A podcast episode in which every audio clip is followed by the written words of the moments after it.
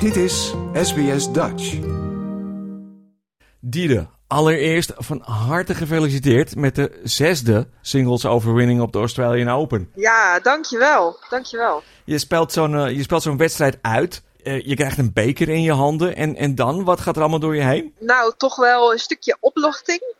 Eh, dat, dat zit er toch wel bij. Maar vooral echt heel veel vreugde en trots en, en blijdschap. Wordt het eigenlijk ondertussen niet een beetje saai? Al die overwinningen? Nee, zeker niet. Eh, je raakt er misschien een klein beetje aan gewend. En het is, de, de zenuwen zijn anders. Maar nee, het is nog steeds echt heel erg bijzonder om zo'n mooie, mooie beker in je, in je handen te hebben. Ik had het idee overigens dat het vooral in de eerste set wat, wat moeilijk ging. Vooral met serveren. Uh, maakt uiteindelijk niks uit. Je hebt gewoon gewonnen natuurlijk. Maar hoe kwam dat dan?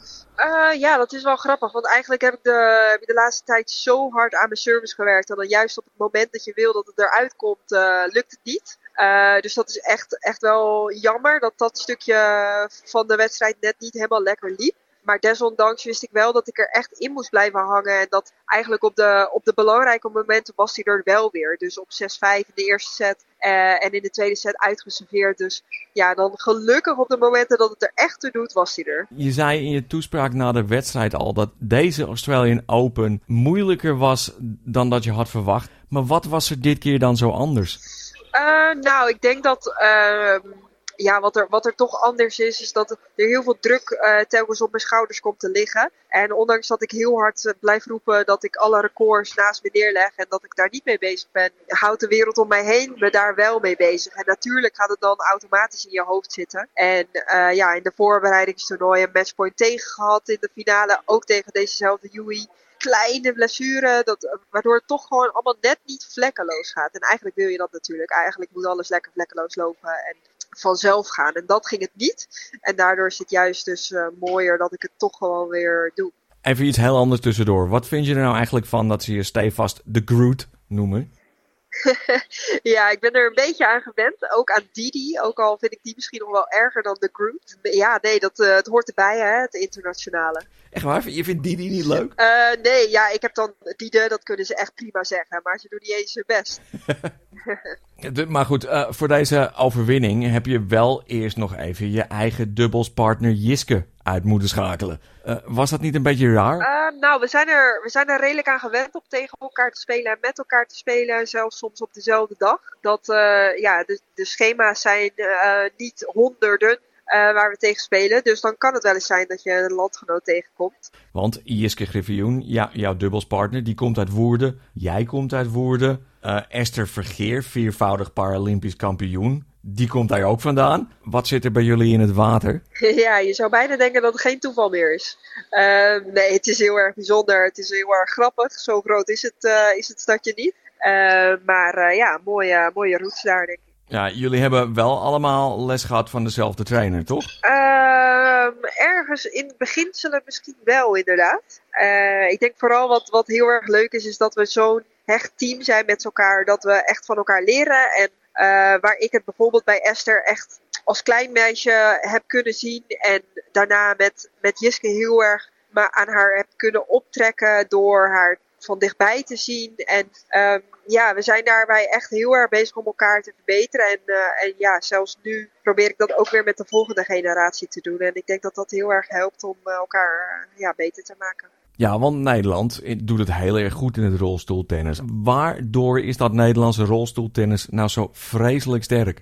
Nou, ik denk dus dat we, we echt een hele goede basis hebben bij de KNLTB. Waar we dus uh, bij, met elkaar uh, trainen. Uh, we zijn daar volledig geïntegreerd in het topsportprogramma. Dus we hebben daar ook uh, toegang tot alle faciliteiten. En wat het mooie daar is, is dat we dus van dichtbij alle jeugd al uh, mee kunnen laten trainen. En zij leren weer van ons. En zo heb ik ook dus van die vorige generatie kunnen leren. En ja, ik denk dat we dat met elkaar heel erg goed doen. Maar ja, je, zei, jullie worden helemaal geïntegreerd in het, in het uh, gewone, als ik die term mag gebruiken, topsportprogramma. Uh, uh, in het normale tennis schopt Nederland het lang zo ver niet. nou, ik denk dat we tegenwoordig heel erg blij mogen zijn met het goede niveau. Wat vooral de heren laten zien. rust, keer uit open, gewoon tweede ronde gehaald. Door de kwalies heen. Dus uh, het gaat niet eens zo slecht, denk ik. Kijk, ik, ik weet heel erg goed dat, uh, dat er net iets meer concurrentie is bij de valide tennissers. En daar heeft het rolstoeltennis misschien nog net wat minder spelers. Dus ja, is die weg wel iets anders. Maar ja, ik denk dus juist dat we het eigenlijk best wel goed doen. En zeker door samen te werken, ehm, hoop ik dat we ook weer een hele goede toekomst zullen hebben. Over die samenwerking gesproken. Jij wordt natuurlijk gecoacht door Amanda Hopmans. Die, die speelde zelf niet in een rolstoel. Ehm, is er iets uh, iets bijzonders aan, aan, die, uh, aan die samenwerking? Uh, nou, ik denk dat wij samen hebben ondervonden dat het helemaal niks uitmaakt. het leuke is dat zij het tennis kende en ik kende de rolstoel. En we hebben het samengevoegd. Ik denk dat er heel veel overeenkomsten zijn. En ja, als je je dan een beetje gaat inlezen en een beetje wedstrijden gaat kijken, dan, ja, dan kom je er vanzelf wel dan kom je er vanzelf in en dan, uh, dan leer je dat samen ontdekken, denk ik. En dat, uh, dat is wel heel erg leuk aan onze samenwerking, dat we dat vanaf het begin al samen hebben opgepakt. Ja, je hebt, je hebt het over, over al die, die overeenkomsten. Uh, wat zijn nou echt de grote verschillen uh, tussen valide en, en rolstoeltennis? Nou, de enige verschil in, in regels is dat wij de bal twee keer mogen stuiten. Maar dat is echt het ene verschil, echt qua duidelijke regels. Uh, verder zijn wij eigenlijk in het nadeel als wij serveren, omdat we zo klein zijn en stilstaan. Uh, dus waar de valide uh, spelers op twee meter hoogte de bal naar beneden kunnen slaan, moeten wij dat ja, eerst omhoog de bal slaan om hem over het net heen te krijgen, omdat wij zelf zeg maar, wat lager zitten. Dus daar zit wel echt het verschil. daardoor komt er zoveel meer druk te zitten op, op zo'n service. En dat, is, dat zul je bij rolstoeltennis zul je dus veel meer break zien uh, dan bij het valide tennis wellicht. En um, ja, dat maakt het daardoor ook juist wel weer interessant. Ja, ik, ik zie jou altijd zo'n dansje doen als, uh, als jouw tegenstander moet serveren. Uh, een dansje? Ja, ik, ik zie je continu uh, bewegen in die rolstoel. terwijl je staat te wachten op de service van die andere speler. Ja, dus eigenlijk is dat redelijk makkelijke verklaring. Want als je in beweging bent, dan ben je sneller bij, bij plek B dan dat je vanuit stilstand begint. Ja, want, want wat weegt zo'n rolstoel? nou, ik denk een uh, 7 kilo, 8 kilo, zoiets. Ik weet het eigenlijk niet eens. En het is ook niet eens zo heel interessant, denk ik. We, we moeten gewoon in beweging blijven. En uh, ja, dan, uh, dan ben je het snelste weer bij de volgende bal. Een stoel van 20 kilo gaat het niet doen. Maar ook die, die 1 kilo verschil gaat het ook niet doen. Ik, ik, ik heb die wedstrijd zitten bekijken vanochtend. En wat, wat me vooral opviel, is dat er bij jullie zo heel weinig publiek aanwezig is. Uh, heb jij daar last van? Um, nee, ik heb daar geen last van. Uh, natuurlijk wil je in een gevuld stadion zit, uh, spelen. ik denk zeker dat als je het vergelijkt al met een aantal jaar geleden, dat er al zoveel meer mensen zitten. Ik ben vooral bezig met, met tennis. ja, ik heb, ik heb op AMRO Open gespeeld vorig jaar. En daar zaten denk 2000 man echt speciaal voor mij. Dat voelde ik. En dan, ja, dan gebruik je dat publiek wel natuurlijk. Uh, maar als het er geen 2000 man, dan moet je het toch uit jezelf halen. En dat, uh, dat uh, gelukkig kan ik dat ook wel.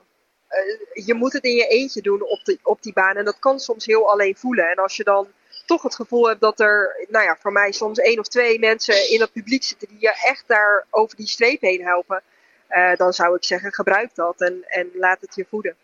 Zijn er nog wel hoogtepunten over voor jou om te bereiken? Ja, ja, ik, uh, ik heb het nog steeds heel erg naar mijn zin. Ik denk ook iedereen die de wedstrijd vandaag zag, die uh, zag dat het niet perfect is en dat er nog steeds heel veel te verbeteren is. En dat vind ik juist zo leuk. Um, het is echt een moeilijke sport. En juist het mentale ervan ook. Het, is, het zijn echt gevechten die je moet, uh, moet leveren. En um, ik, ik ben bereid om dat gevecht elke keer weer aan te gaan. En uh, ja, dan, uh, dan hou je vanzelf nog heel veel motivatie om, uh, om het elke keer weer te doen. En zeker als je dan weer zo'n mooie trofee aan het einde mag vasthouden, dan is het het allemaal waard. Dus jij gaat dit jaar in Parijs ook weer voor de Golden Slam? Uh, de Golden Slam zal, uh, zal niet te, te halen zijn, omdat de US Open niet doorgaat. En voor een Golden Slam heb je toch alle vier de Grand Slams nodig. Maar wat, ja, wat ik wel ga doen is keihard vechten voor die gouden medaille.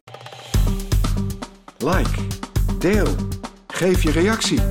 Volg SBS Dutch op Facebook.